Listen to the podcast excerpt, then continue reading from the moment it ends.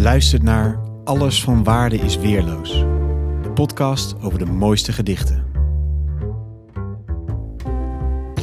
Mijn naam is Allard Amelink. In elke aflevering vraag ik een luisteraar naar zijn of haar favoriete gedicht. Zo bouwen we samen een kanon van de mooiste poëzie.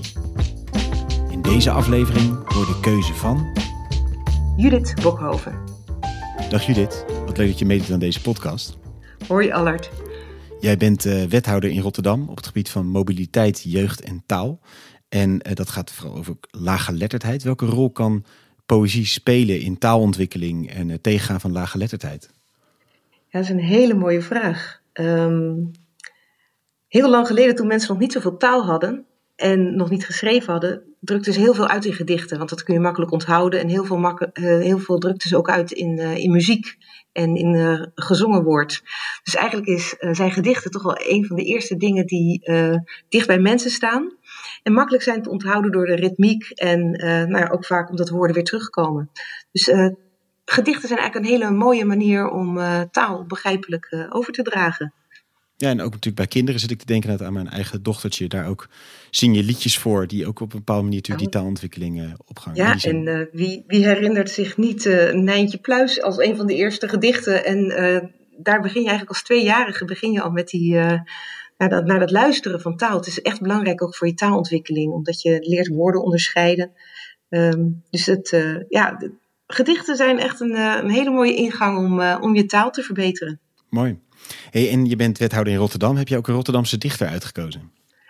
Ja, toen je mij vroeg om een gedicht uit te zoeken, toen dacht ik, ja, dat moet een Rotterdammer zijn.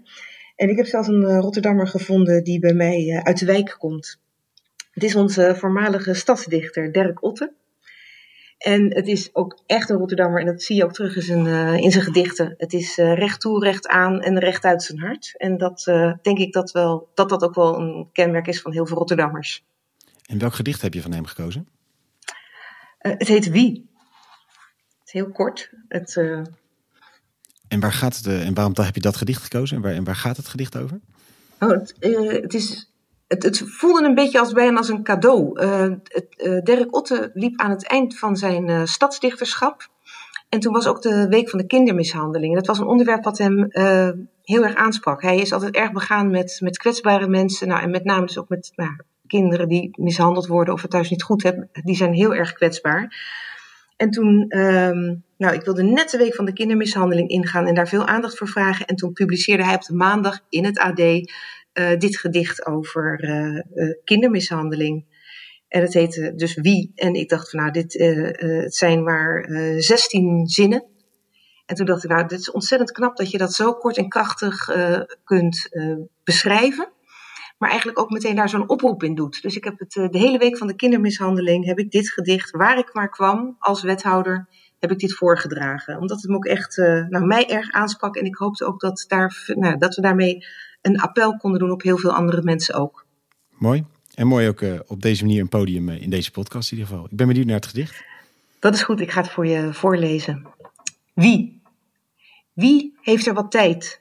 Raad dat ik vecht kent de monsters onder mijn bed. Wie hoort mijn stilte, geeft mij wat hoop, weet van de wolk boven mijn hoofd. Wie kijkt naar me om, zegt me gedag, ziet het verdriet achter mijn lach.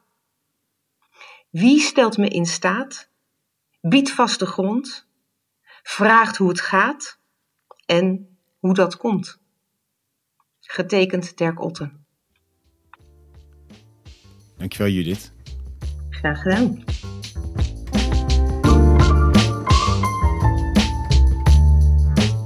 Dank voor het luisteren naar Alles van Waarde is Weerloos. Wil je zelf een gedicht delen? Stuur me dan een bericht op Twitter, isweerloos, of op Instagram, Alles van Waarde is Weerloos.